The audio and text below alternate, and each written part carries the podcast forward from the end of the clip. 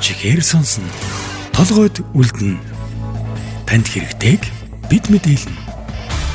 Игэл радио 91.1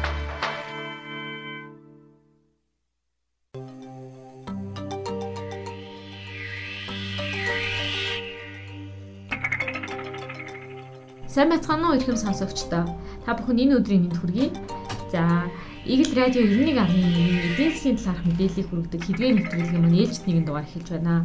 Өнөөдөр бид та бүхэнд тоотой холбоотой Монголын эдийн засгийн макро тоон үзүүлэлттэй холбоотой мэдээллийг хүргэх гэж байна. Тэгэхээр энэ 7 хоногт бас үндэсний статистикийн хороо Монгол улсын 9 дугаар сарын байдлаарх одоо эдийн засгийн гол үзүүлэлтүүдийг танилцууллаа. Тэгээ энэ үзүүлэлтүүдээс бид юу харах боломжтой вэ гэхээр ер нь Монголын эдийн засаг ямар байгаа юм бэ? Бидний эдийн засгийн биеийн байдал, эрүүл мэнд ямар байна вэ гэдгийг бас харах боломжтой байлаа. За, статистикийн хорооны мэдээлж байгаагаар Монгол улсын дотоодын нийт бүтээгдэхүүн буюу Монгол улсын тухайн жилдээ хийсэн нийт үйлдвэрлэсэн бараа бүтээгдэхүүнийх нь үйлдвэрлэл нь бол яг 9 дугаар сарын буюу 3 дугаар удирлын байдлаар 3.7 хоор өссөн гэсэн ийм үзүүлэлтүүдийг танилцуулж байна. Тэгэхээр мэдээж та бүхэн ер нь бол харж байгаа хаа бас манай эдийн засгийн байдал ерөнхийдөө сайнгүй байгаа. Нэг үе маш эрчтэй өсөж өснийг ботход бол эдийн засгийн өсөлт саарсан.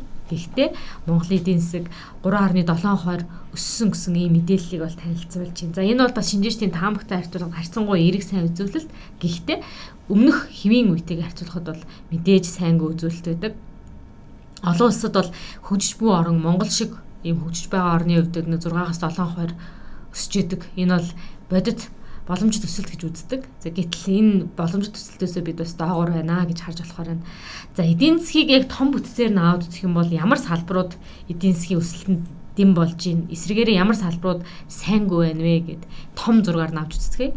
Тэгэхээр ер нь бол эдийн засгийн өсөлтөд хамгийн сайн байсан салбар бол үйлчлэгийн салбар байлаа. Монголын эдийн засгийн хувьд аваад үзэх юм бол ерөөхдөө бас худалдаа үйлчлэгээ маш их юм эрчимтэй хөгжсөн юм салбар. Тэгэхээр манай үйлчлэгээний салбар бол нэлээд сайн байлаа. Иргэдийн худалдаа авалт түүнтэй холбоотой үйлчлэгээнүүдийг сайн байсан эдийн засгийн өсөлтөд дэм болсон байна.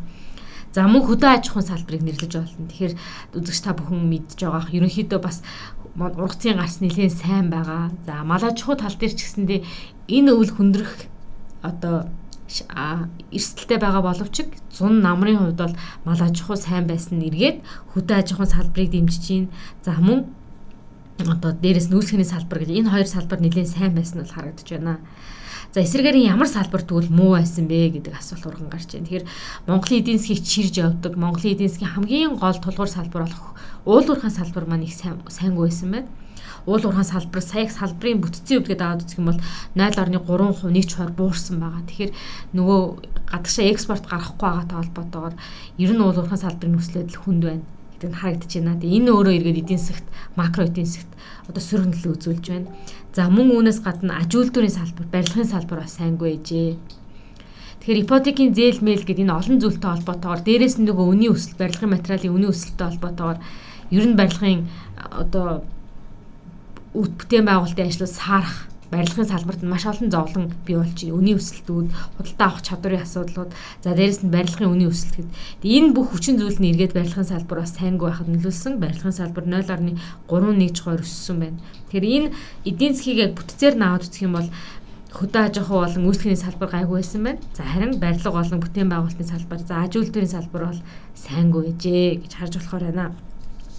За мөн одоо яг энэ дотоодын нийт бүтээгдэхүүн бас их чухал зүйл бол татвар гэж үзүүлэлт бол одоо их чухал үзүүлэлт байдаг. Тэгэхээр татвар өөрөө юу илэрхийлдэг вэ гэхээр нөө иргэдийн орлогыг илэрхийлж байдаг. Аж ахуйн нэгжүүдийн орлого тэр хүмүүс орлогоосоо татвар төлдөг учраас ер нь энэ талын үзүүлэлтүүдийг бас ерөнхийлж илэрхийлж яадаг юм үзүүлэлт байдаг. За бүтээг бүтээгдэхүүний цэвэр татварын хувьд аваад юм бол 0.7% бас өссөн байна. За ер нь Монголын эдийн засгийг харах юм бол нэг иймэрхүү дүр зураг харагдаж байна. За үүнээс гадна түрүү хэлсэн ер нь манай Монголын эдийн засгт бол уул уурхайн салбар маш их чухал нөлөө үзүүлдэг. Тэгэхээр энэ уул уурхайн салбар маань сайнгүй байна гэдэг бол бас нөгөө эргээд ирэх саруудад эдийн засаг маань ямар байх вэ гэдэг дээр асуултын тэмдэг болж үлдэж байна. За ялангуяа уул уурхайн салбарыг задлаад харах юм бол нүүрсний экспорт бас төдийлэн сайн өсөхгүй байна. Гэхдээ өмнөх оны мөн үетэй харьцуулахад нүүрсний олборлолт нь гээд 11% өссөн байна. За өмнөх бас нэвтрүүлгүүдээр та бүхэн ярьжсэн газрын тосны салбарын талаар. Тэгэхээр ер нь бол Монгол улсын 2021 оны 6 дугаар сараас хойш одоо газрын тусны экспорт зогссон байсан цар тахлын өсөлт байдалтай холбоотойгоор. За гэхдээ энэ оны одоо өмнөхөн бас эргээд сэргсэн. Тэгэхээр газрын тосны экспортын үед гэх юм бол өмнөх оны мөн үетэй харьцуулахад 67% өссөн дүр зурагтай байна. За мөн зэсийн баяжмлын экспорт бол бас буураад байгаа гэсэн ийм мэдээллүүд ч гэсэн явж байна. Тэгэхээр уул уурхай талдаас харьцангуй одоо сөрөг ийм үзэгдэл үйл явц өрнж байна. За хөдөө аж ахуйн салбарын хувьд гэх юм бол нэмэгдэл өртөх нь бол энэ оны хувьд 3.4 их найт төгрөгт хүрсэн байна. Энэ нь бол өмнөх оны мөн үетэй харьцуулахад нэг 10% өссөн гэсэн ийм үзүүлэлт байна. За аж үйлдвэрийн салбар ч гэсэн өссөн. Гэхдээ өсөлт нь цаарсан гэдгийг та бүхэнд хэлсэн байгаа. За эдийн засгийг том утгаар нь хараад үзэх юм бол ийм байна. За одоо та бүхэнд том гэдгээс илүү илүү микро төвшин иргэдийн орлогын хувьд, өрхийн орлогын хувьд ямар байдлаар өөрчлөгдсөнийг хүргэе. За 3 дугаар улирлын байдлаар өрхийн сарын дундаж орлого 1.7 сая төгрөг болсон. За энэ бол өмнөх оны мөн үетэй харьцуулахад 176 мянган төгрөгөөр өссөн ийм үзүүлэлт болж байна. За мөн одоо 2 дугаар энэ оны 2 дугаар улиралтай харьцуулаад үзэнгүүт өрхийн орлого нь 35 мянган төгрөг өссөн. За энэ үзүүлэлт бол ингээд мөнгөн дүнгээрээ бол 1.7 болоод өссөн харагдаж байна. Гэхдээ үүнтэй зэрэгцээ та бүхэн мэднэ инфляц өсөд байгаа. Тэгэхээр яг бодит орлого гэдэг зүйлүүд нь бас өссөн үгүй юу?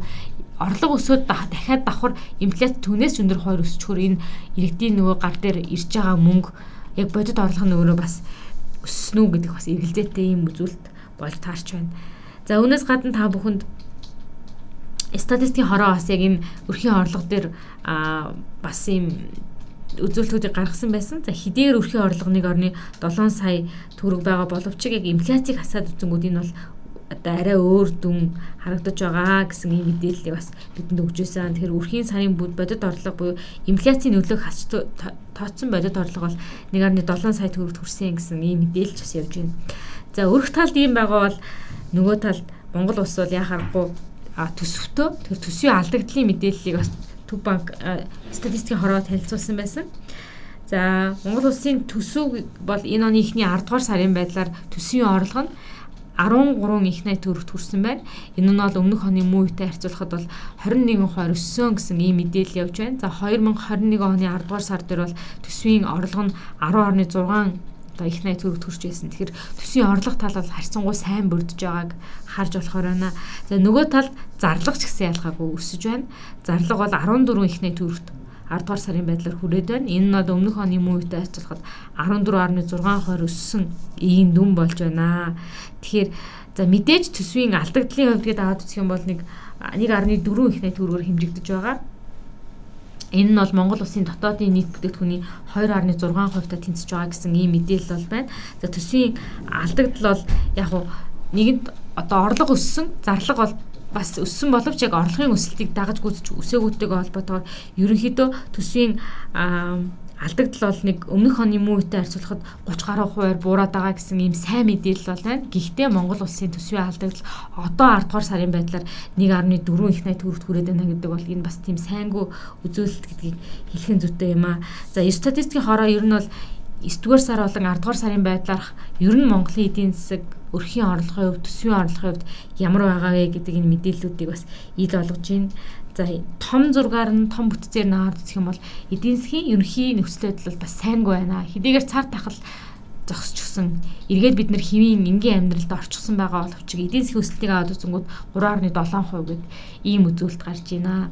Тэгэхээр ер нь 2022 оныг Монголын эдийн засаг бас тийм өндөр өсөлттэйгээр эцсэж дуусгаж чадахгүй нэ. Эдийн засгийн өсөлт бол илүү нормал хэмжээндээ байгаа. Та бүхэн санаж байгаа инфляц гэдэг тэгэнгүүт баг 10 гаруй хувиуд авчихсан 14% та явж идэг. Гэтэл нөгөө эдийн засгийн өсөлт нь инфляцаас баг 4 5 дахин бага ийм өсөлттэй байна. Тэгэхээр иргэдийн гар дээр орж байгаа орлого нөгөө үнийн өсөлт эргээд нөгөө том утгаараа харсан эдийн засгийн өсөлт бол ийм сайнгүй дүр зураг харагдаж байна. Сонсогч та бүхэндээ 9 дугаар сар болон 10 дугаар сарын байдлаарх Монгол улсын макро эдийн засаг болон микро эдийн засгийн статистик мэдээллийг хүргэлээ. Хамт байсан баярлалаа.